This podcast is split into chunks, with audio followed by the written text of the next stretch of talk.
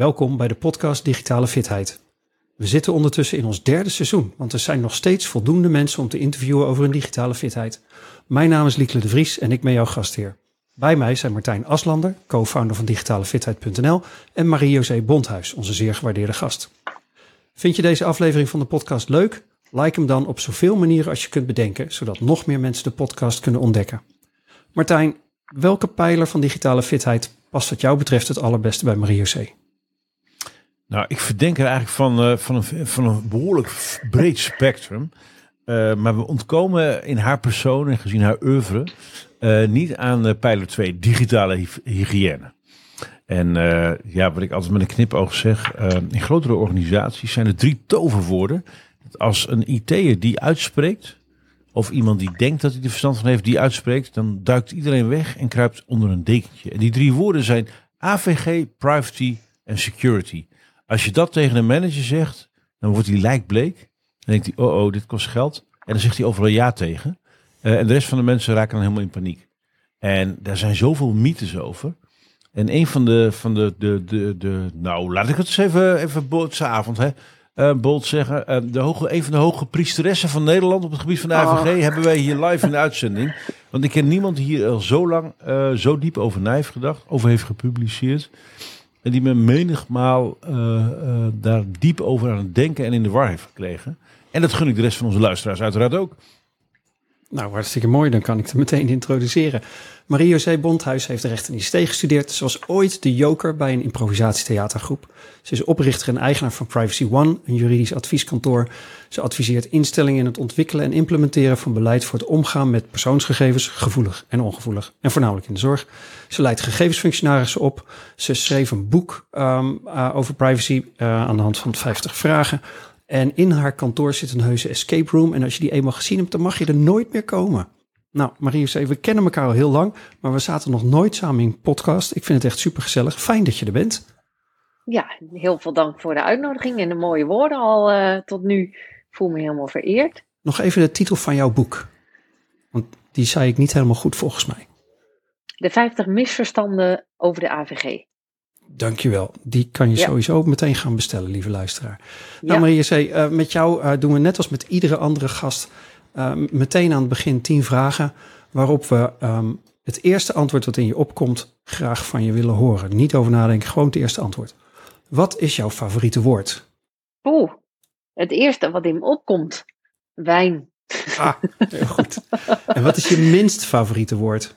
Vaatwasser. Geen idee. Waarvan raak je opgewonden? Van slimme mensen. En wat is voor jou een echte turn-off? Uh, dommigheid. Welk geluid vind je geweldig? Van de wind door de bomen. En welk geluid haat je? Ja, de boor van de tandarts. Wat is je favoriete vloekwoord? Potverdorie. Welk ander beroep dan je eigen beroep zou je nog wel eens willen uitproberen? Oeh, dat is een makkelijke uh, arts. En welk beroep zou je nooit willen hebben? Ik denk uh, deurwaarder. En wat hoop je dat men later over je zegt wanneer je eenmaal niet meer op deze planeet bent? Wat heeft die meid een impact gehad? Nice. Nou, die heb je al in de pocket, denk ik. En, uh, even, en even qua welk beroep je niet wil doen. Ik, zou, ik, ik dacht, die gaat zeggen tandarts. Van dan moet jij toch naar die boor luisteren. Oh ja? ja. maar ze zei arts, hè? Dan, dan hoeft het niet per se uh, de hele dag. Nee, nee. nee, nee, ze zei deurwaarder. Zei ze. Uh, uh, minst, uh, ja, minst nee. favoriet. Dus dacht ik, oké, okay, dat zou ik echt niet willen doen. Ik denk, ja, maar als je echt, als je het vervelendste geluid de tandartsboor is, ja, ja, dan wil je waarschijnlijk geen tandarts zijn. Ja, en zo, Oké, okay, never mind. Zo verrast ze je alweer. Martijn. Altijd, het, ja. Het, het, het eerste een, wat in je opkomt, hè. Ja, ja. het is een thema. Hey, en deze tien vragen die uh, zijn ooit een keer bedacht door Bernard Pivot, waarvoor uh, onze grote dank.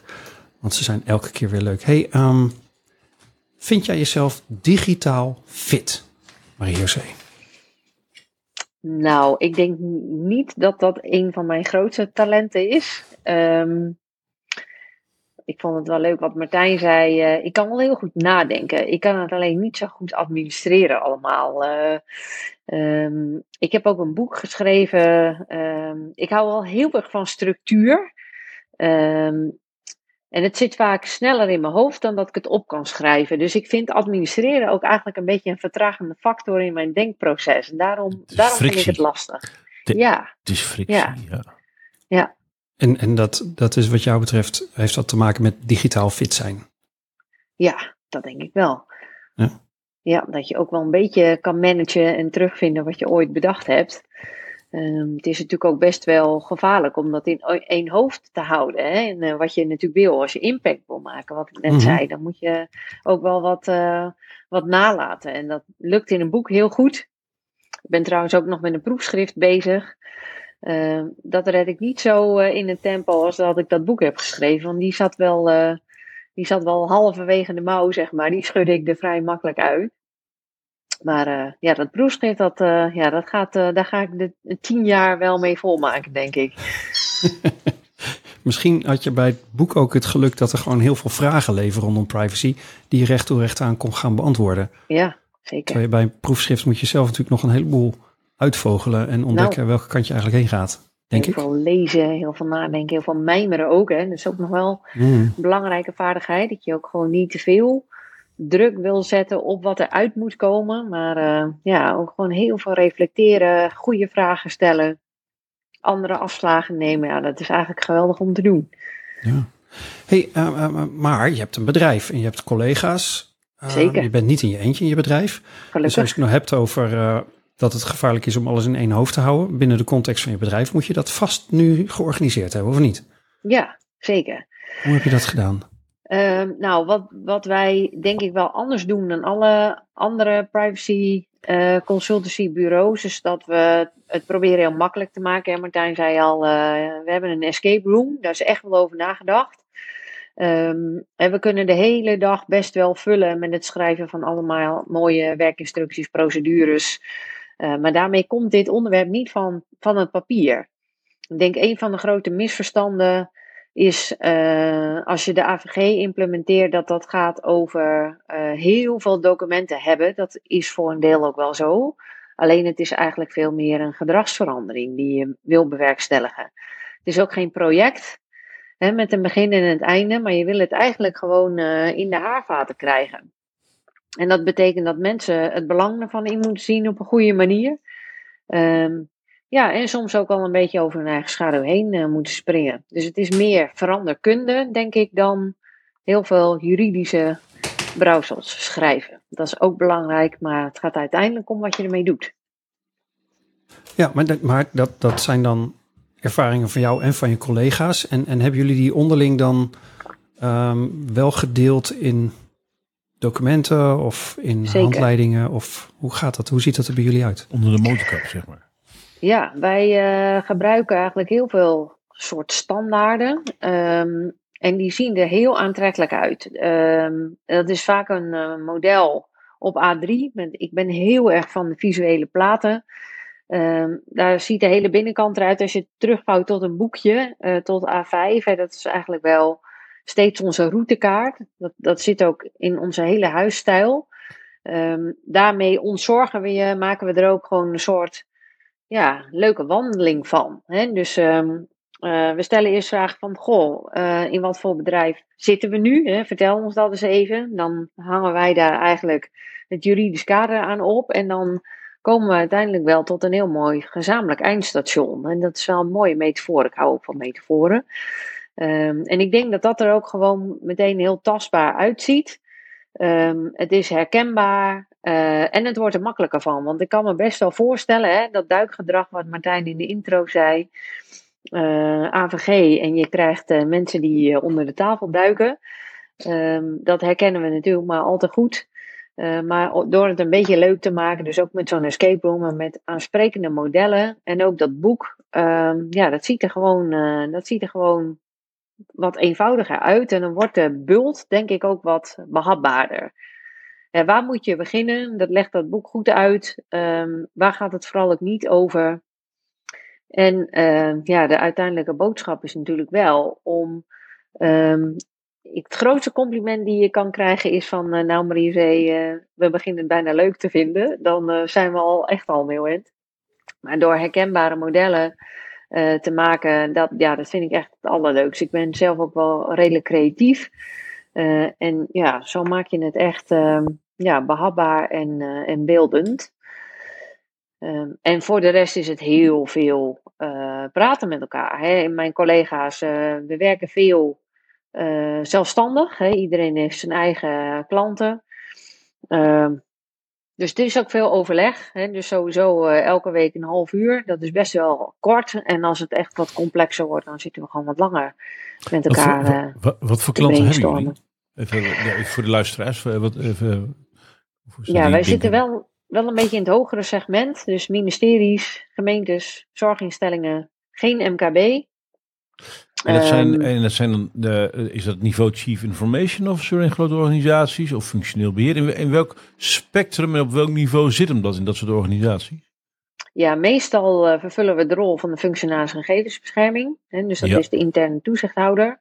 Ja. En ben je onderdeel van een team met privacy officers en ook wel de security officers. Soms moeten we ook gewoon uh, hele complexe data protection impact assessments uitvoeren. Ben je ook uh, dus begeleiden, controleren, checken, informeren. Die, ja. die groep uh, uh, van deze mensen, um, hoe groot is die eigenlijk in Nederland? Hebben we het hier over duizend mensen of tienduizend mensen? Hoe groot is die groep mensen die dit eigenlijk zou moeten, moeten weten en kunnen en snappen en daarvoor staan? Nou, de rol van FG, hè, die functionaris gegevensbescherming, om daar maar even bij te houden. Ja. Uh, dat zijn eigenlijk 10.000 bedrijven die dat moeten hebben. En die worden ingevuld door ongeveer 6.500, 7.000 mensen. Hè. Dus vaak. Je zegt bedrijven, uh, maar ik neem aan, je bedoelt organisaties, toch? Ja, precies. Ja, ja. Oké, ja. Dus, oké, okay, dus, dus er zijn, oh, dat ga ik even opschrijven. Dus er zijn er ongeveer 10.000 organisaties die wettelijk dit moeten hebben. Ja. Oké, en er zijn ongeveer 6.000 en, dat vullen, en er zijn ongeveer 6.000 experts, zeg maar. Ja, en die vervullen, hè, wij hebben ook meerdere organisaties waarvoor we de FG zijn. Uh, dus het kan zijn dat je er gewoon, dat je FG bent voor meerdere. Dat kan. Ja. En dan heb je natuurlijk nog uh, de privacy officers, de privacy juristen. Uh, nou, dat zal een veelvoud zijn van, van dat aantal, denk ik. En, en hoe lang bestaat het eigenlijk al, even qua beeld? De rol van FG? Het hele fenomeen FG, dat is iets dat 30 jaar geleden hadden we dat niet, denk ik. Nou, het is verplicht geworden met de AVG. Uh, en, dat, dat was twee? Ja. 2018, 2018. 2000. Dus het is een relatief daarvoor... jong gebied. Ja, klopt. Ja, ja zeker. Okay. Ja, dat merk je ook echt. Ja. Dus eigenlijk komt dat ook, hè, die modellen die we aan het maken zijn. Wij hebben geen uh, gereedschapskist uh, vol met allerlei uh, tools. Dus die, het is gewoon die, nieuw terrein, dat allemaal absoluut, uitgevogeld Zeker. En gaat het ja. een beetje goed? Allemaal in Nederland hiermee? Nee, eigenlijk niet. Um, uh, als je de cijfers kijkt, bekijkt, dan. nou, ik moet ook vanuit mijn eigen praktijk de eerste organisatie nog tegenkomen waarvan ik denk van nou, niks meer aan doen. die hebben het echt helemaal voor elkaar. Ja. ja. Uh, dus er is werk aan de winkel en het ligt niet zozeer, denk ik, aan die wet uh, en het naleven van die wet, maar aan uh, de omgeving die zo verschrikkelijk hard verandert. Um, en die regels die zijn eigenlijk al 30 jaar gelijk. Hè? Dus in de voorganger van de AVG, de Wet Bescherming Persoonsgegevens, hadden we eigenlijk dezelfde regels. Alleen je moet ze nu toepassen in een hele andere omgeving. Wat is er dan bijvoorbeeld heel erg veranderd? Nou, bijvoorbeeld, um, ik gaf dat voorbeeld van, vanmiddag nog ergens. Uh, een zorginstelling, hè, 30 jaar geleden, of misschien zelfs al 20 jaar of 10. Uh, als je daar binnenkwam als patiënt, dan lag je dossier, hing aan je bed en misschien ergens in het kastje van de arts. Dat was natuurlijk lekker overzichtelijk. Misbruik was er bijna niet, want ja, dan moest je bijna fysiek um, op zoek gaan naar de bekende Nederlander en dan een dossier gaan stelen. Maar nu we dat allemaal uh, digitaal doen, hè, binnen een ziekenhuis met een elektronisch patiëntendossier, maar ook landelijk uitwisselen, ja, dan zijn de aanvalsoppervlakken van dat soort data natuurlijk vele malen groter. En dus ook vergroten de kansen op misbruik. Hè, digitale portalen waar patiënten zelf ook in kunnen, die misschien wel verleid worden door verzekeraars of commerciële bedrijven om daar ook even van uh, mee te snoepen ja, dat verandert wel heel erg. En fake news, deepfakes, ChatGPT, het zijn allemaal ontwikkelingen die maken dat er zo ongelooflijk veel meer mogelijk is, maar ook dus hele verkeerde dingen mee kunnen worden gedaan. Dus de omgeving verandert eigenlijk harder dan de regels. Wat wij bij digitale fitheid hebben geconstateerd, en dat is ook een van de missies die we hebben, is dat we hebben eigenlijk ontdekt dat er uh, heel veel mensen op de werkvloer wel een computer gebruiken de hele dag, of een scherm, een smartphone, tablet, whatever. Uh, maar dat ze eigenlijk geen idee hebben wat ze aan het doen zijn. Zeker niet als het gaat om informatie. Uh, daar kom je eigenlijk niet achter, omdat er heel veel schaamte is op de werkvloer over het niet kunnen omgaan met digitale middelen. Ja. Dat mensen die er aan het typen zijn met Excel-formules kunnen of PowerPoints maken, denken: Oh, ik ben er heel goed in. En in beide gevallen uh, zit het allemaal net anders. Dus is het niet een heel groot probleem onder de oppervlakte waar, uh, dat we hier aan het aanraken zijn? Hoe kom jij dat tegen? En wat, wat bedoel nou ja, je precies? Nee, dat, dat, um, ons beeld hier is dat er in organisaties heel veel mensen zijn die eigenlijk niet zo goed weten hoe ze met digitale middelen moeten omgaan. Nee. En, en daarvoor komt nog het besef over informatie. Dus wat ik al een tijdje roep is van joh, je hebt niet zoveel aan digitale geletterdheid als je geen informatiegeletterdheid hebt. Hoe wil je gegevens gaan beschermen als je geen notie hebt over wat is eigenlijk informatie? Hoe werkt dat? Waar ja. laat je dat? Waar voldoet dat? Waar moet je rekening mee houden? Dus, ja. dus ik heb het gevoel dat terwijl we allemaal richting de tools schieten, de nieuwe technologie en het nieuwe Haarlemmer olie, nieuwe dingetje.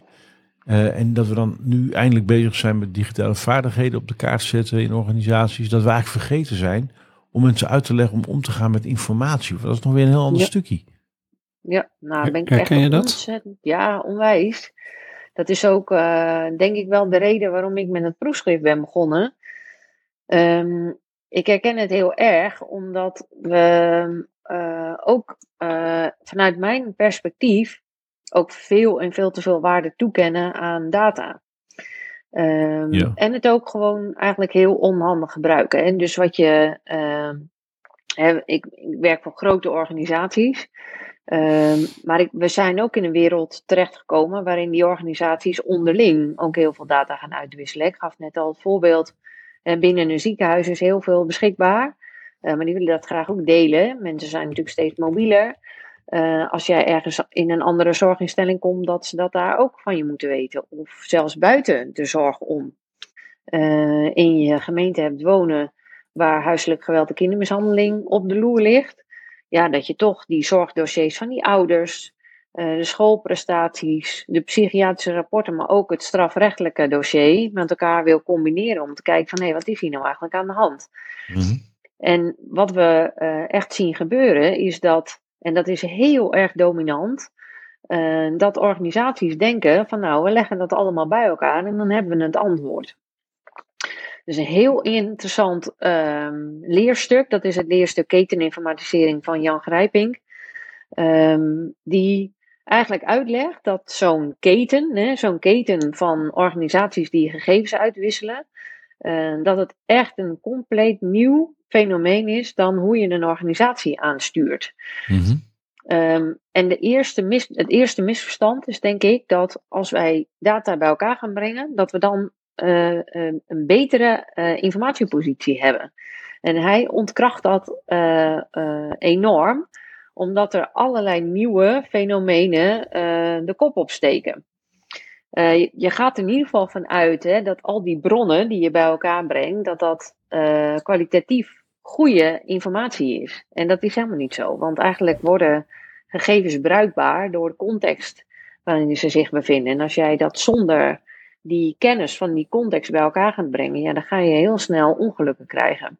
En dan heb je nog steeds geen informatie, zeg maar. Dan heb je gegevens die je verkeerd interpreteert. Nee, en ik, het is misschien een beetje een platgeslagen voorbeeld. Maar kijk maar eens even naar de toeslagenaffaire hè, bij de Belastingdienst. Hoe mis dat kan gaan.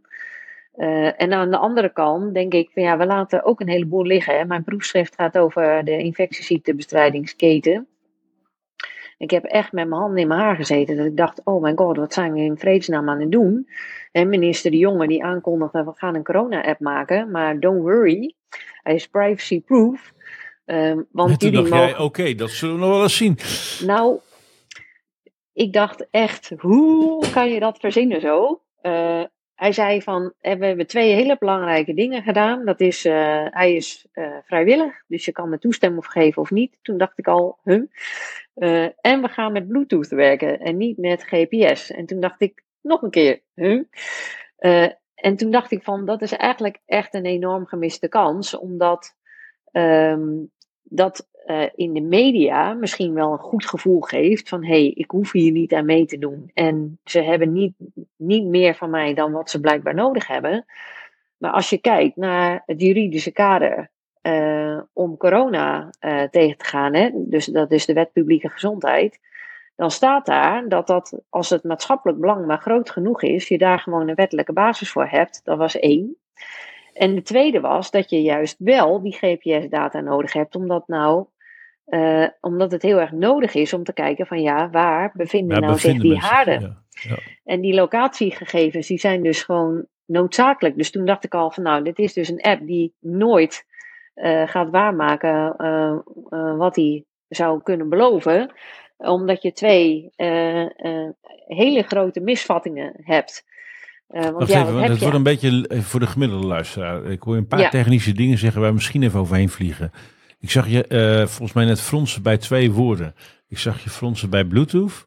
Ja. En bij, uh, bij GPS. Toestemming. En bij toestemming. Nee, bij toestemming. Bij toestemming. Ja. Uh, kun je even iets verder vertellen over waarom je ging fronsen bij Bluetooth? Want heel veel mensen denken Bluetooth, nou oké, okay, het zal wel. Dus wat is er dan met Bluetooth? Nou ja, de, de corona-app, vind het wel een lekker dankbaar voorbeeld van hoe het niet moet. Um, en die uh, registreert eigenlijk alleen maar als je met twee telefoons bij elkaar in de buurt bent geweest. En dus die, ja. Uh, met die app wissel je een sleutelpaar uit. Dus stel, ik heb met Martijn Aslanden in de trein gezeten. Uh, hartstikke gezellig, langer dan een kwartier. ik krijg een paar dagen later corona. En dan ga, kan ik met die app kan ik jou waarschuwen. Zo van, hé, hey, let op, misschien of moet dan je niet jou, maar mijn, mijn Bluetooth codesleutel, zeg maar. Ja, precies. He, dus, ja. dus ik weet met wie ik in contact ben geweest. Alleen doordat hij um, niet met GPS werkt, weet, weten we dus niet. Hè, misschien was die uh, coupé uh, op dat moment wel een superspreader event hè, geweest. Mm -hmm. En dat wil je weten. Hoe kan dat? Hè? Gebeurt, krijgen we meer corona in de trein? of juist niet. Uh, dat is interessante informatie. Voor de diagnostiek, uh, ja. En, en dat kon je dus niet bewijzen met Bluetooth? Nee. Verbindingen tussen telefoons, want de ene telefoon had het uitstaan en de andere niet.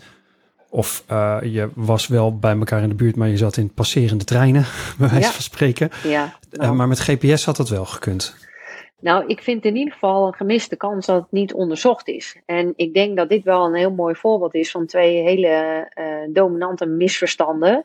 Um, en dat we, dat we privacy een beetje gaan beschouwen als um, zelfbeschikking. Hè? Dus ik moet zelf kunnen kiezen of ik mijn gegevens deel, ja of nee. Vind ik echt een groot misverstand.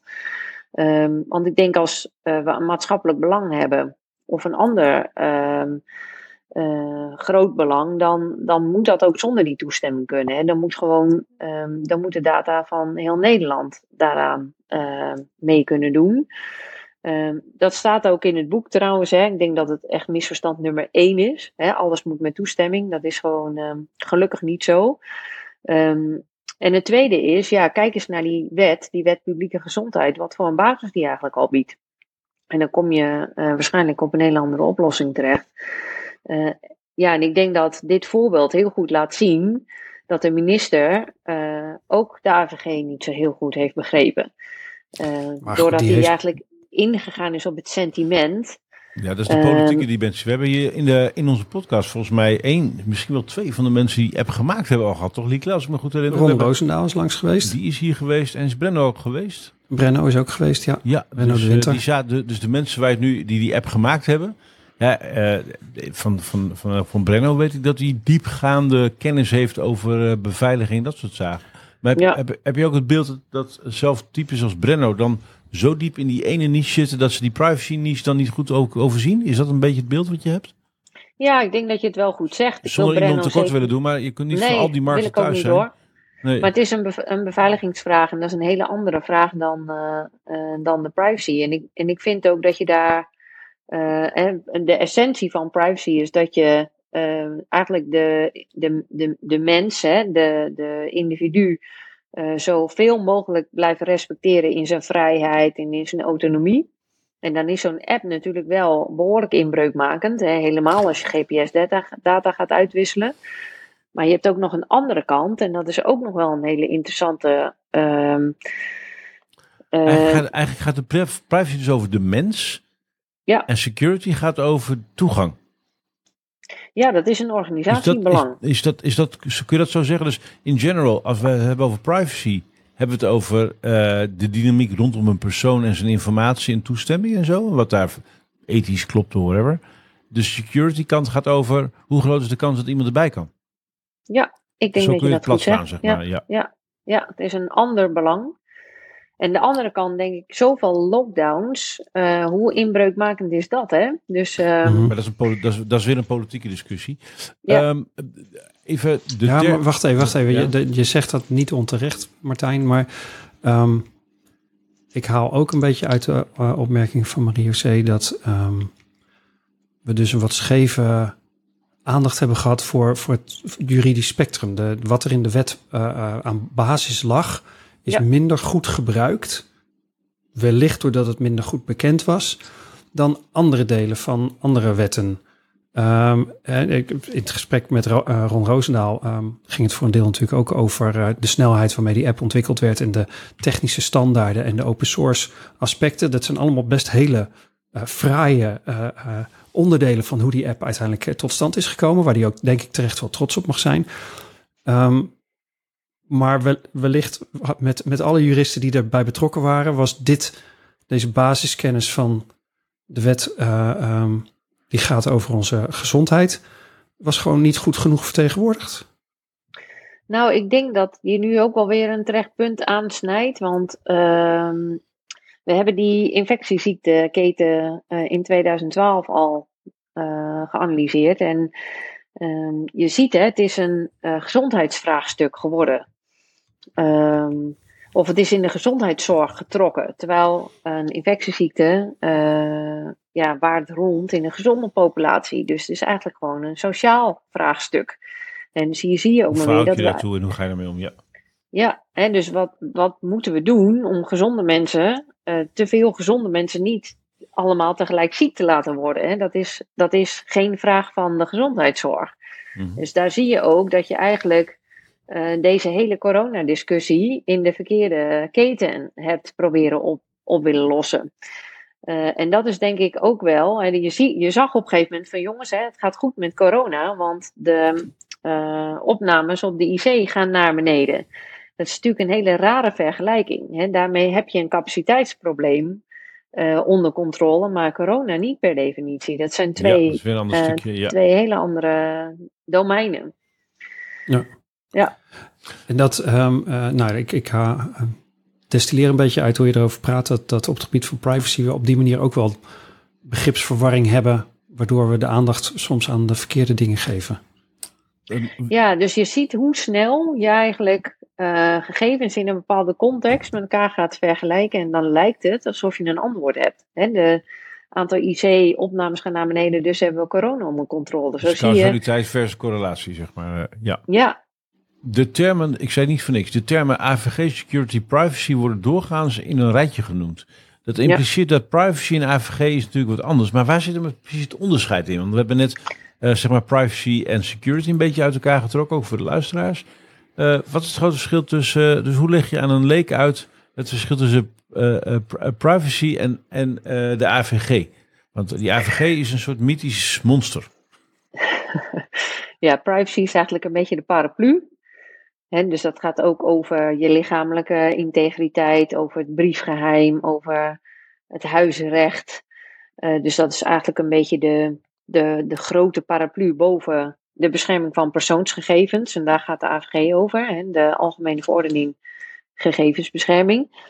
Ehm, en het grappige is dat als je naar de AVG kijkt, in eh, artikel 1 of in de definitie, eh, zie je dat dat gaat over het beschermen van personen, hè, de data van personen, maar ook eh, over een free flow of data eh, binnen de Europese Unie. En dat is wel een hele interessante, dat vergeten we vaak. Hè, die tweede helft van wat is de AVG? En natuurlijk moet je zorgvuldig en rechtmatig met gevoelige gegevens omgaan.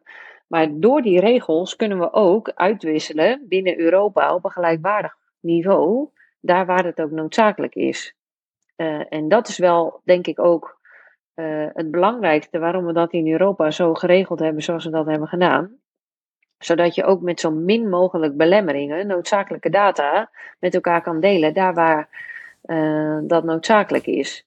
Dus het, het creëert een soort spelregels. Zo van nou, als we dat gewoon met elkaar afspreken dat we dat volgens deze lat leggen, dan is er helemaal niet zo heel veel aan de hand. Dus het vijf keer van goederen, diensten uh, en informatie. Ja, uh, precies. Binnen het bepaalde bij, boundaries, Ja. uh, waarin Ja. checks, balances en waarborg fixen. Het is alleen jammer dat dat vrije verkeer van informatie dan over het algemeen kennelijk inhoudt dat je gewoon bakken met data kopieert en in je eigen omgeving naast andere data zet. In een context die lang niet altijd de context is waarin die data echt betekenisvol kan zijn. Nee. Ja, Vat ik het dus- zo een beetje samen? Ja, dat is wel. Kijk, je kunt natuurlijk best wel gegevens delen in een. eh, en we noemen dat eh, de eenvoudige ketens. Hè. Als jij ehm, eh, met een zorgverlener eh, buiten Nederland. eh, hè, dus je gaat de grens over omdat ze daar een betere behandeling hebben. Dan heb je gewoon. En dan heb je gewoon een free flow of data, zeg maar. En daar qua beschermingsniveau, als we ons aan dezelfde kaders houden, is daar niet zo heel veel mee aan de hand. Dus dat noem ik een beetje de eenvoudige keten. Hè. Dus een soort treintje. En waar we het eerder over hadden, dat is toch wel meer een netwerkstructuur. Hè. Dat zijn die complexe ketens waar we meer een integraal beeld willen vormen van iets of iemand. Ehm, en dan ga je inderdaad eh, die data bij elkaar brengen. En dan moet je echt heel erg kijken of je die context niet uit het oog verliest. Ja. Ik, ik ga eh, dit geweldige gesprek even onderbreken. Met eh, Verder binnen ons niet. drie vragen die ik ook altijd tussendoor stel. Ehm, welk apparaat gebruik je het meest? Eh, ik denk de iPhone. En eh, welke apps gebruik je daar dan op het meest? Nou, de Authenticator, Allicht. WhatsApp en de agenda. Oké. En ehm, is er het afgelopen jaar ook nog een app bijgekomen? Kan ook op je computer zijn. Waarvan je zegt, oh, die, die wil ik echt nooit meer kwijt. Nou, ik heb, eh, dat zal je verbazen, want ik heb best wel wat eh, dataverwerkende eh, apparaten omheen verzameld. Ik heb een, eh, een Aura Ring, ik weet niet of jullie hem eh, kennen en gezien hebben. Ja, En dat vind ik toch wel, eh, en Martijn en ik kennen elkaar ook een beetje uit de Quantified Self hoek. Ja, dat vind ik toch wel, eh, wel echt heel leuk. Daar, eh, het eerste wat ik doe als ik wakker word is even kijken van, hé, hey, wat is er vannacht gebeurd? Want dat, wat, wat doet die ring? Kun je dat vertellen? Ja, die kan ongelooflijk veel. En je moet echt tijd nemen om je erin te verdiepen wat die allemaal wel niet kan meten. Net als eh, alle Office-programma's gebruik je daar natuurlijk maar een fractie van. Maar wat ik er vooral mee doe, is het herstel eh, eh, gedurende de nacht bekijken. En dus je ziet het effect van een glaasje wijn, of toch te laat doorgewerkt, of misschien te laat gegeten. Ja, ik vind het toch wel echt heel erg boeiend Want- om te zien wat dat voor effect heeft. Die ring die registreert hartslag, bloedwaarde. Ja, wat doet heart allemaal? rate variability, eh Ja, ja. oxygen. ja dat is wat, we, wat we hier bij digitale fitheid pijler 5 noemen. Dus als je digitaal bewustzijn hebt, snap je dat je wat kan met digitalisering. Met digitale hygiëne zorgt ervoor dat je die spullen ook goed bewaart en eh, terug kan vinden en dat die, eh, dat die veilig is. Bij je vaardigheden leer je om daarmee te spelen. Eh, bij PKM, de vierde pijler, persoonlijk kennismanagement, leer je om eh, ja, persoonlijke informatiekapitaal te hanteren en die data goed op te lossen, eh, op te slaan en ermee om te gaan. En als dat allemaal op orde is, hebben we nog een vijfde pijler. Is een beetje biohacking, feedback loops, bullet journaling, biohacking. Hoe ga je eigen ontwikkeling, groei, gezondheid, hoe, ga je dat, hoe ga je technologie eigenlijk inzetten om dat een beetje te verbeteren? Dus voor de luisteraars die denken, hé, hey, dat vind ik eigenlijk wel interessant. Dat is de vijfde pijler van digitale fitheid. Peter Joost, een van onze digitale fitheid ambassadeurs, is daar ook fanatiek mee bezig. Dus we hebben op ons platform nog meer over dit onderwerp als je denkt, hé, hey, dit smaakt naar meer. Sommige mensen moeten er ook helemaal niks van hebben. En eh, dat mag ook. Maar dat is, dat is een van je routines, Marie-José. Om dat elke ochtend even in een app, denk ik, dan te kijken hoe de nacht verlopen is. Ja. Ja, dat vind ik wel, eh, wel echt leuk. En dan, eh, ja, je, de kunst is om je er niet eh, te veel in te laten beïnvloeden. En want Mhm. ik vind dat je gewoon echt af en toe wel een wijntje mag drinken. Maar het is toch af en toe wel bijzonder om te zien hoeveel impact dat heeft. gehad. Heb je ook bij jezelf al vastgesteld dat, dat je bepaalde gedragingen nu niet meer hebt of, of dat die veranderd zijn? Ja, en dat is niet alleen door zo'n app, hè, maar ook gewoon hoe word je wakker s'morgens. Je moet natuurlijk ook gewoon uh, echt naar je eigen lijf uh, blijven luisteren. Maar het bevestigt vooral heel veel. Hè. Dus uh, ik drink door de week niet, tenzij we echt een dikke party hebben of zo. Maar nee, dat is wel, wel bewust ook bevestigd met die data. Dat ik denk van ja, we, we hebben het hartstikke druk. We hebben, maken lange dagen. Als je echt fris en scherp wil blijven de hele dag en ja, dan moet je dat misschien door de week niet doen. Dus des te lekkerder smaakt hij op de vrijdagavond ook. ja, ja, ja. beetje schaarste, je kan nooit kwaad eigenlijk. Nee. nee. Hey, um, uh, een van de dingen die mij wel eens bekruipt als we het hebben over dataficatie, datafication, big data, grote organisaties die allerlei uh, informatie verzamelen en daar proberen iets moois mee te doen, is dat je, je kunt je als uh, individueel persoon daarin zo machteloos voelen. Van ja, weet je, want ik, ik heb die telefoon al en als ik die app niet gebruik, dan kan ik bepaalde dingen niet. Dus ze willen dit wel voor mij. Uh, dus nou ja, laat maar. Um, wat, uh, um, wat zie je op dat vlak gebeuren? Want ik zie eens in zoveel tijd een nieuwsbericht over dat de autoriteit persoonsgegevens ergens een uh, waarschuwing uitdeelt of een boete oplegt. Um, maar dat, nou, die zijn volgens mij onderbemenst. En nou, er wordt ook nog wel eens commentaar gegeven op wat ze dan precies bestraffen en hoe. Uh, maar jij ziet die organisatie van binnenuit.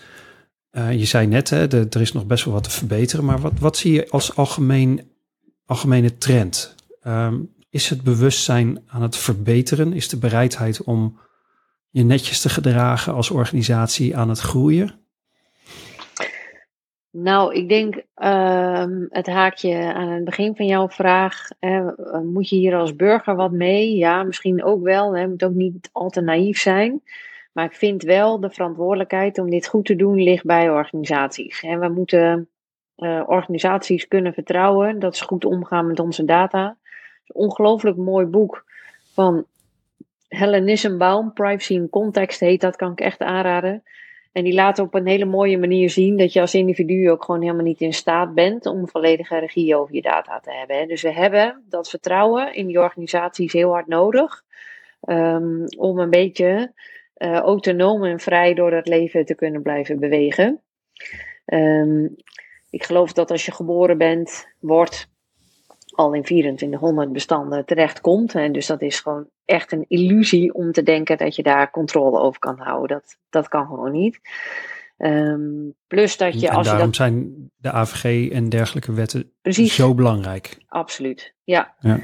Dus ik geef altijd mijn huistuin- en keukenvoorbeeld. Uh, de Bauhaus, dat is uh, hier in Groningen zo'n Duitse uh, bouwmarkt. Uh, en ja, Duitsers, gek genoeg, zijn ongelooflijk goed in. Um, die hebben de meeste amendementen ingediend bij de AVG, want ze vonden het nog niet streng genoeg. dus die zijn daar heel erg mee bezig. en dat zie je ook bij zo'n Bauhaus. Hè. Die, als je daar een apparaat komt huren. Uh, dan uh, maak ze een kopie van je paspoort of je rijbewijs of je identiteitsbewijs, wat je ook maar bij je hebt. En zij uh, plakken al je foto en je BSN af. Hebben ze niet nodig. Dus willen ze ook gewoon niet eens hebben. Nou, kijk naar het gemiddelde hotel. waar je inlogt en daar valt nog wel wat te verbeteren. Dit, dit vindt zijn oorsprong in de, in de statietijd, toch? Dat komt een beetje bij de Duitsers, begreep ik, uit het DDR-tijdperk. Dat ze daar zo geschrokken zijn van de hoeveelheid data die dus ja. Je zou denken, nou dat ligt aan de Tweede Wereldoorlog, maar dat zit hem in het recente uh, Oost-Duitse verleden met name, toch? Klopt, ja, dat nooit weer. Ja, ja. ja dat verhaal heb ik ook gehoord. Ja, ja. En de Bauhaus heeft als organisatie dus het standpunt, hoe minder data wij verzamelen, hoe liever het ons is. Want het ja. kan eigenlijk alleen maar tegen ons werken als we meer ja. verzamelen. En helemaal kopietjes van identiteitsbewijzen. Hè? Als je hacker bent, dan is dat ongeveer goud als je daar de hand uh, op krijgt. Dus ja, dat zit gewoon helemaal in hun DNA. En dus dat ze al eigenlijk voor de klant uh, zorgen van don't worry, uh, wij hebben echt alleen maar die data van jou die we echt nodig hebben. En dat kunnen ze ook gewoon goed uitleggen. En dat is denk ik wel een hele uh, mooie manier. of dat overal al gebeurt, nee. ik denk dat, ja, het is nog een jong vakgebied hè, vanaf 2018. Um, ik merk ook wel dat de weerstand wat heftiger wordt.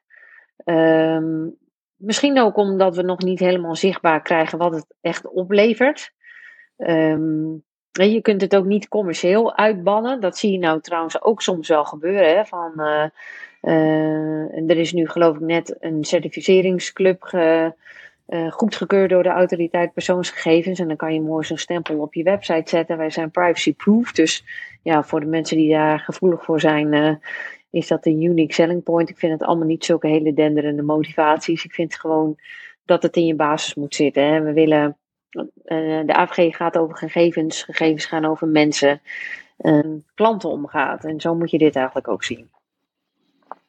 Uh, zie, wat, zie je wat, kun je dan, wat kun je dan als mens? om als, je, als je goed voor jezelf wil zorgen. Hè, je, je zit dan al meteen in 2400 databases. Dus, dus um, uh, ik laatst, kwam laatst nog een quote tegen. Je kunt iets pas veranderen als je het accepteert. Uh, hè, dus dus uh, verzetten en alleen maar boos doen, dat heeft geen zin. Maar wat is dan de handige, verstandige manier om er als individu mee om te gaan? Um, nou, nogmaals, ik denk niet dat de verantwoordelijkheid bij de burger moet liggen. Um, naïviteit daar gelaten. Hè? Dus uh, met je hele hebben en houden. Wat je niet moet doen, dat heb ik van onze hackers geleerd, is met identiteitsbewijzen of je net uh, gekregen rijbewijs op de foto op Facebook gaan staan. Uh, maar dan heb je het veel meer over security risico's. Hè. Dat zijn risico's op uh, identiteitsdiefstal, identiteitsfraude. Daar kan je als individu nog wel redelijk iets aan doen, maar ook niet altijd. Hè. Dus als de bouwhuis het toch niet netjes doet en die laat die kopietjes rondslingeren en ze worden gestolen, um, ja, dan heb je wel een probleem. als jij je hele HR-administratie als organisatie in de cloud hebt staan, die hartstikke onbeveiligd is, ja, dan, dan kun je, kan ik daar als burger niet zo heel veel uh, aan doen. Um, maar goed, het zelf veroorzaken, daar kun je natuurlijk nog wel wat aan doen. Maar nogmaals, ik vind nog steeds dat de verantwoordelijkheid, de grootste verantwoordelijkheid bij de organisatie ligt. Zie je verschil tussen uh, overheden en bedrijven op dit vlak? En zo hoe uitzicht dat? Ja, ik denk dat overheden uh, krijgen natuurlijk steeds meer gegevens. Als je kijkt naar gemeenten, dat is echt niet te geloven wat die allemaal van ons weten. Hè, uh, jeugdzorg is daar ondergebracht, schuldhulpverlening, uh, je vergunningen. En dus op alle vlakken uitkeringen uh, weten die wat van elkaar. En dan is het natuurlijk de neiging om te denken van... hé, hey, ik ga daar eens even een integraal beeld van maken. Wat hebben we hier nou eigenlijk voor ons? Ja, dat is natuurlijk super verleidelijk. Um, dus wat er gebeurt ook met Syrië, uh, uh, dus het, uh, het systeem risico-indicatie.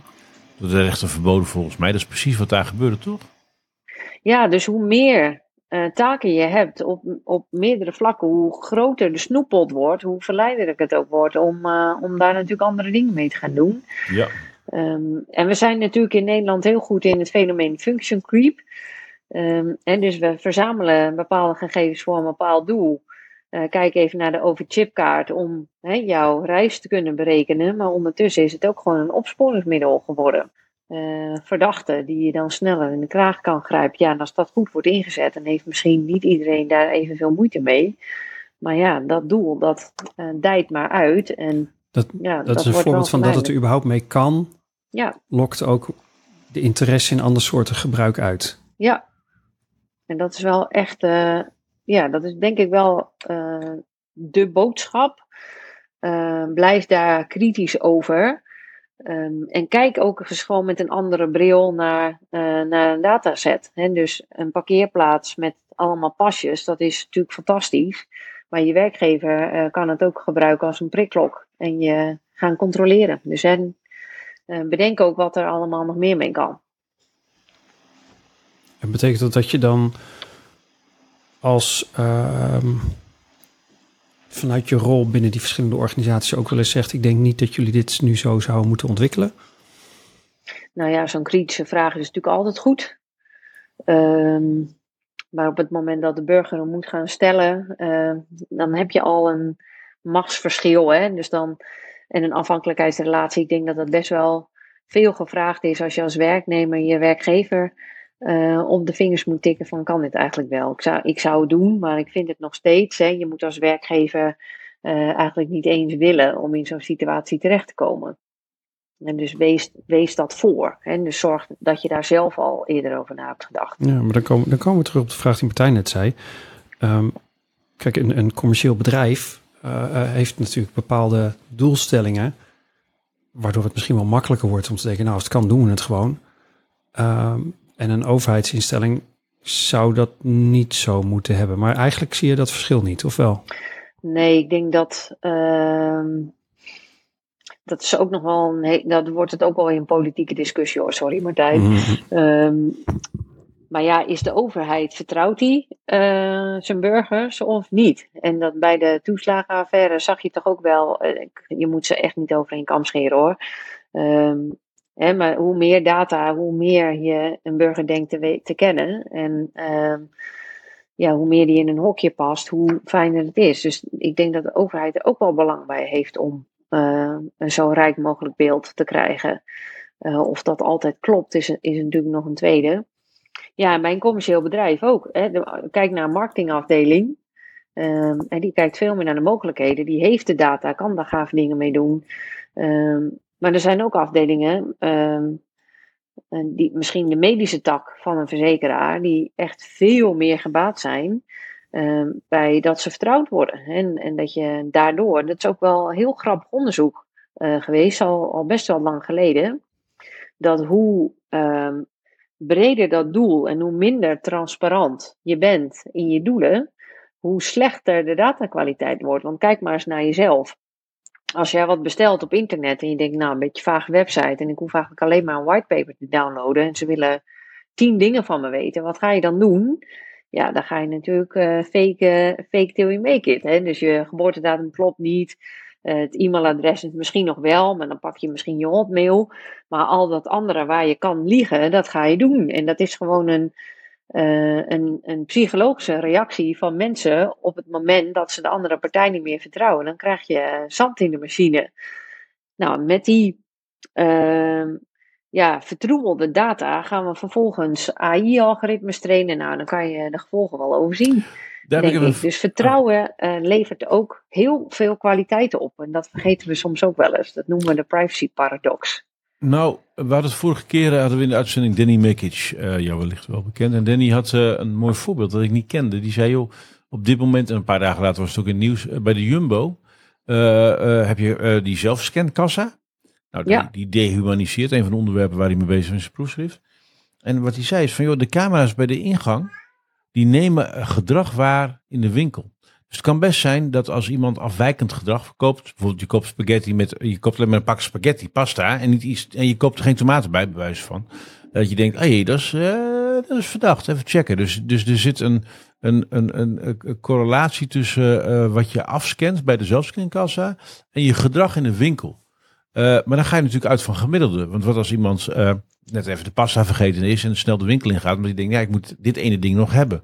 Of iemand die loopt traag door de winkel heen. Dat je denkt, hé, hey, dat is raar, dat is verdacht. Terwijl je gewoon een, een aandoening hebt aan je been. Ja. Is dit eigenlijk al, uh, uh, volgens de kennis die jij hebt, is dit al een, een privacy schending? Uh, wat ze eigenlijk aan het doen zijn? Ja, sowieso. Kijk, en ik denk dat het woord privacy schending heb je al heel snel te pakken. Hè? Het feit dat je een camera ophangt, beperkt je al in je, maar het in mag je wel. Dat is de volgende vraag. Hè? Onder voorwaarden mag het. Hè? Dus je kunt, en dat is denk ik ook wel. Waarom uh, hangt hij daar? Kun je dat uitleggen? En Precies. Heb je dat ook voldoende toegelicht voordat die persoon binnenkwam? Is het Ja, algoritme en- checkable? Is dat verplicht eigenlijk? Of wordt dat, moet dat verplicht worden? Dus kunnen we, check, kunnen we uh, is het, uh, al, dus stel dat Jumbo zegt, nou die camera hangt daar, want zus en zo, want er wordt veel gejat. Die zelfscankassa kunnen we uitleggen, dan kunnen we de prijzen goedkoop houden, want het personeelstekort, bladibla, kun je ook nog verdedigen. Uh, maar als je een algoritme gaat gebruiken dat verdacht gedrag opspoort, dan moet je eigenlijk uh, het algoritme openbaar maken. Z- Zegt mijn normale logica. Ik weet niet hoe jullie dat zien, maar hoe, hoe kijk jij daarnaar vanuit jouw rol? Nou, dat is eigenlijk meer eh, de AI Act, hè, die er binnenkort Mhm. aankomt, nieuwe wetgeving. En die heeft eh, een risicogebaseerde benadering in zich. En dus die heeft een soort piramide gemaakt. Ehm, en het uh, herken en, en het identificeren en volgen van gedrag, dat, dat zit eigenlijk in het topje. Uh, dus er zijn verboden uh, toepassingen. En dus ik vind het wel mooi. Uh, dat je het oproept, hè, want de AVG wordt heel vaak als een soort bijbel gezien. Hè? mag dat, mag dat niet? Maar ja, het maar gaat dat, heel dat is wel een mooi, net als de echte Bijbel, die, die, die- daar zwaait iedereen mee, maar de meeste mensen hebben hem niet gelezen. Nee, dat is met de AVG precies zo. Ja, De, ja, de grootste meningen die, eh, hebben, die hebben artikel 1 nog niet eens, zijn ze nog niet eens voorbij eh, gegaan. Maar het gaat heel erg om de context. Hè? Dat voorbeeld met die camera eh, in een winkel om je eigendommen te beschermen, dat is een, dat is een goede belangenafweging. Hè? Maar in een sauna, hè, ook, ook om ongewenst gedrag aan te pakken, ja, dan kan je je voorstellen, mm, Ja. gaat hij al wat schever. Hè? Dus eh, eh, het is allebei een camera, hetzelfde doel, alleen de context is anders. Hè? Je mag in een sauna eh, meer privacy verwachten dan in de supermarkt.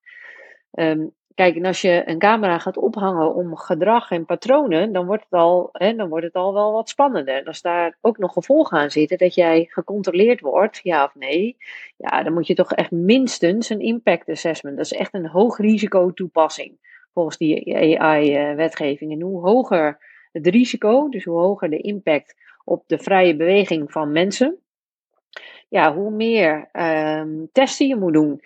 Kijk, ik kan me ook wel voorstellen dat je dat algoritme helemaal niet wil openbaar maken, want misschien is dat wel je hele businessmodel, maar het moet wel toetsbaar zijn. Hè? Dus misschien eh, is een goede optie om een onafhankelijke auditor eh, de werking te laten bepalen, dat je ook niet te veel fout en eh eh, false en positives, hoe zeg je dat? Vals positief, vals negatief, vals positief, dat. Ja. Ja. Eh, Onze, onze overheid heeft ondertussen een algoritmeregister. Dat krijgen ze nog niet zo vol als ze zouden willen. Maar die hebben in ieder geval gezegd, nou, zolang het om overheidsalgoritmes gaat, dan willen we proberen daar zo transparant mogelijk in te zijn. Dus dan zou je zelf inderdaad kunnen nagaan welk algoritme is hier aan de gang en hoe zit dat in elkaar. Ik snap wat jij zegt over commerciële bedrijven ook wel. Als daar je businessmodel aan zit, dan wil je dat misschien niet openbaar geven. Maar dan zou je nog steeds wel bedrijven kunnen verplichten om te laten zien dat ze een audit gehad hebben en dat er een derde onafhankelijke partij is die dat heeft eh, beoordeeld. Eh, maar eigenlijk zeg je, ehm, ja, dat, het moet een risico, gebaseerd zijn. Dit is een hoog risico als je het gedrag van mensen op deze manier in kaart brengt. Of dat nou met een camera of met een app is. Hè, met, want met de app van die supermarkt door de supermarkt lopen, dat aan de ene kant is dat heel makkelijk, want dan weet je dat eh, in de volgende rij eh, staan de producten die je nodig hebt. En oh, je hebt eh, spaghetti gepakt, wil je niet ook deze saus, die is in de aanbieding. Handig. De keerzijde is dat die app dus misschien alles wel registreert terwijl je in die winkel bent. Ehm, waarmee je te veel van je, van je eigenheid achterlaat in hun systeem. En dat ze daar dan geen goede gronden voor hebben om dat te verzamelen. Ja, ik denk dat, dat het vooral gaat over eh, ook weer dat doel. Hè? Dus als jij een app gebruikt, het is helemaal niet verkeerd om Facebook te gebruiken, alleen het moet wel transparant zijn waarvoor je dat doet. En, en achter de schermen gebeurt er natuurlijk van alles en nog wat mee wat we helemaal niet weten, eh, wat we niet zien. Ehm, en daar wordt Facebook ook op aangesproken, ehm, herhaaldelijk.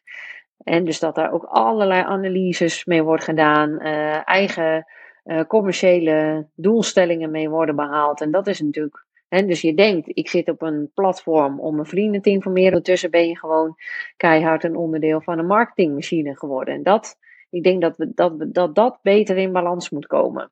Hè, dus als jij een app van de Jumbo gaat gebruiken, omdat je denkt, hé, hey, ik word ondersteund in mijn boodschapervaring. Helemaal niks mis mee. Maar het moet onder de motorkap niet ontransparant een fraudedetectiemiddel worden. En dat, uh, uh, daar gaat het vooral over. He, is, het, is het helder en transparant te maken wat het precies doet? Ja.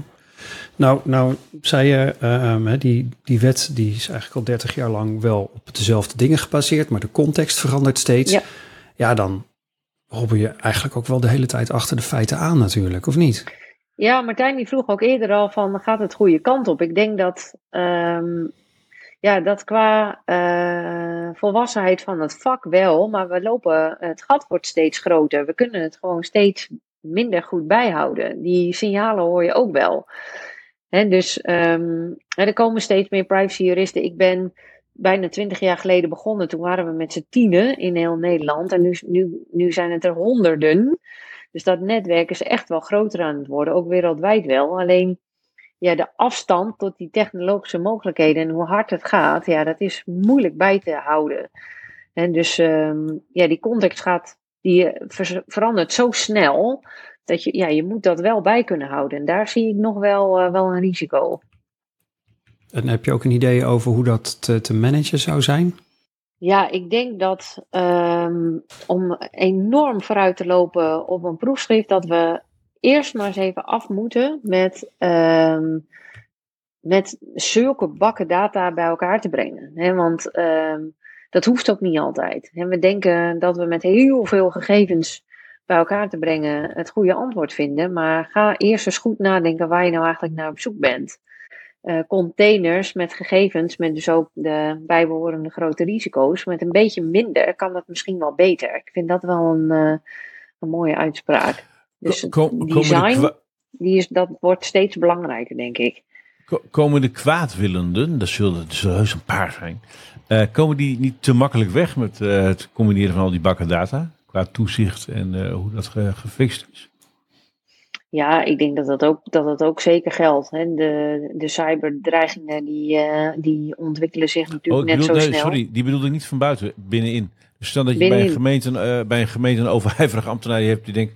Nou, weet je wat? Ik knutsel even dingen aan elkaar. Hupsakee, ik gooi alles in één grote Excel-sheet. Ik, uh, ik, ja. ik draai wat queries in. Hoppatee. Bam. Ja. Dus, Ja. dus de kwaadwillende uh, uh, binnen je organisatie komen die niet te makkelijk weg. Want ik me voorstellen dat er bij, bijna geen toezicht op is. Ik kon Nee. afspraken maken, maar ik kon er maar eens achter wat iemand uh, zeg maar achter die gesloten deur op zijn laptop hier in Excel aan elkaar aan het knutselen is met een paar datasets die die uh, her en der vandaan ges- getrokken heeft. Ja. Ehm, hoe zit dat? Ja, ik denk dat het soms bewust en soms onbewust gebeurt. Ehm, of met, met de onbedoelde goede intenties. Hè? Nee, dat is een raar woord. Met uh, ja. toch wel goede intenties. Uh, dat ze ook wel echt van overtuigd zijn van ja, maar dat, dat, dat, we hebben het toch al. Dus waarom mogen we daar niet gewoon ook even in kijken? Nee, maar is het niet te makkelijk, bedoel ik? ik bedoel, ja, dat denk ik wel. Even, ik neem aan, als ik bij een gemeente zou werken. Ja, als ik een paar goede relaties heb her en der op verschillende afdelingen, heb ik zo een USB-stick met wat, uh, uh, met wat datasheets te pakken. En als ik een beetje handig ben met, uh, met spreadsheets, dan knutsel ik dat aan elkaar. Ja. En ja, dan leg ik verbanden die. En, en ja, tuurlijk, because I can, maar het is niet de bedoeling. Dus wat zou je aan dat soort gedrag kunnen doen? Niet zoveel, toch?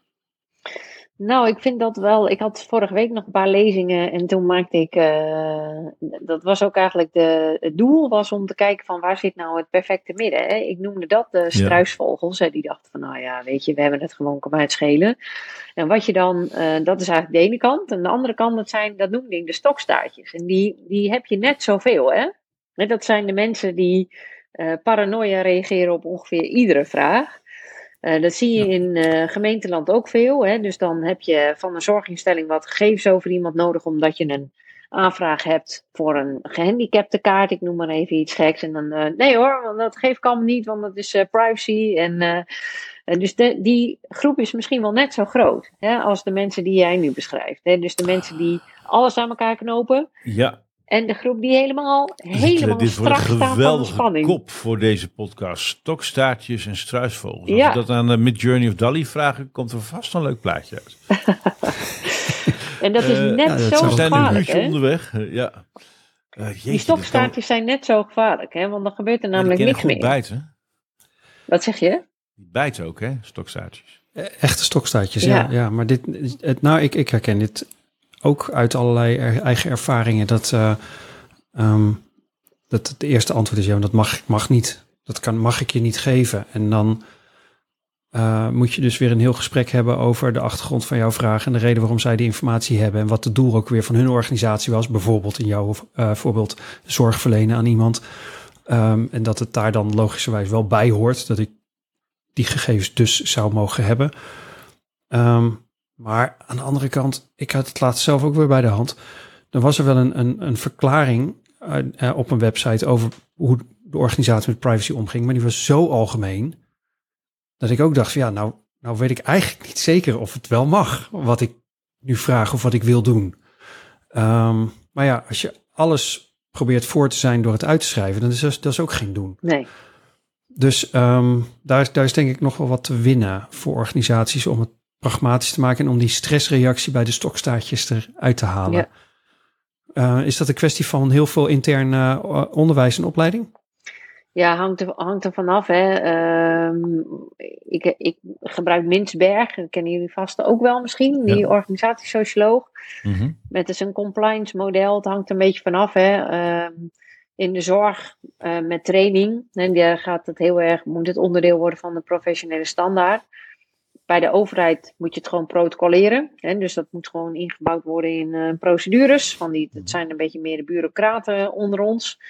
Als je een innovatief bedrijf bent, dan eh, moet je gewoon een privacy expert eh, in je ontwikkelteam hebben zitten die dat belang in de gaten houdt. Dus ja, het hangt heel erg vanaf in welke discipline je zit. Maar eh, ja, het zal je niet verbazen, maar de waarheid zit in het midden. En dus de struisvogels die schieten door in het organisatiebelang. Dan denk ik, ja, het kan, dus ik doe het. De stokstaartjes die schieten door in het persoonlijke belang. Die, eh, en, het, en zit in het midden. En dan heb je eigenlijk de meeste ruimte. En, en dat is het mooie hiervan. Dus ik vind het een fantastische wet.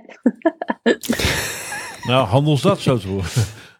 Ja. Sowieso. En, ehm, ja. en, en vooral belangrijk dat wat jou betreft, eh, de organisatie is degene die hier de verantwoordelijkheid draagt en moet nemen. Zeker. En daar dus ook op aangesproken moet worden. Absoluut. Ja, ik vind het mooi. Ehm, ik eh, ehm, heb nu een paar vragen aan jou niet gesteld die ik aan anderen wel heb gesteld. Maar ik vind het ook eigenlijk wel hartstikke mooi eh, ehm, waar we het over gehad hebben. Dus ik laat ze gewoon lekker liggen. Ik ga wel toe naar de afsluiting, tenzij Martijn nog één eh, prangende vraag dan wel observatie heeft. Nee, ik ben heel blij eh, dat, de, dat we dit onderwerp een keer goed aanraken. Eh, ik heb het ook het gevoel dat we eh, nog eh, her en der een beetje de oppervlakte zijn blijven kappelen. Dus ik, zou, eh, ik zie er ontzettend naar uit om een keer een aantal eh, sessies te doen met eh Marie C. Ook voor de luisteraars en de lezers van het platform Digitale Fitheid. Dus een keer wat workshops doen. Zodat we gewoon wat basics kunnen overdragen en hanteerbaar en tastbaar maken voor een gemiddelde gebruiker. Want eh, dat is waar we voor gaan bij digitale fitheid. Een handelingsperspectief voor de gemiddelde schermwerker van Nederland. Iedereen die meer dan vijf per dag per dag met beeldschermen te maken heeft. En die hebben eigenlijk geen vat op die AVG. En die wil ik heel graag helpen met jouw hulp. Dus eh, ik zie uit naar een eh, volgende stap daarin. Had je, had je trouwens ook een, een dier wat dan dat midden verbeelde, Marie José? Ja, een hartje. Een hartje. Oké, dus we willen van, dieren zijn dat van- die kunnen dodelijk zijn. van struisvogels en stokstaartjes willen we hartjes maken. Ja. Ja, hartstikke mooi. Ik ga naar de afsluiting. Dankjewel. Um, ik bedank de sponsor die deze podcast mogelijk maakt. Dat is de Rijksacademie voor Digitalisering en Informatisering Overheid, Radio. Daar werk ik zelf. Uh, en ik mag hier wat tijd aan besteden. Vind je deze aflevering van de podcast leuk? Like hem dan op zoveel manieren als je kunt bedenken, zodat nog meer mensen de podcast kunnen ontdekken. We zitten in de aanloop naar de derde maand van de digitale fitheid. In maart 2024 is het weer zover. Een hele maand extra aandacht voor digitale fitheid. Overal. Voor alle 4 miljoen beeldschermwerkers van Nederland. Zet hem in je agenda. Bezoek de site maandvandedigitaalefitheid.nl. Kies een sessie uit. Je wordt er slimmer en digitaal fitter van. En als persoonlijk kennismanagement jou interesseert, zet dan ook 22 en 23 maart 2024 in je agenda. Dan organiseren Martijn en ik de eerste Europese PKM, Persoonlijk Kennismanagement Summit, waar je alles te weten komt over PKM en jouw kennis en ervaring kunt uitwisselen met experts en beginners. Kijk daarvoor op pkmsummit.com. Nou. Dit was de podcast Digitale Fitheid met Martijn Aslander en jouw gastheer Liekle de Vries. Onze speciale gast was vandaag Marie-José Bondhuis. Bedankt voor het luisteren en kijk ook eens op digitalefitheid.nl.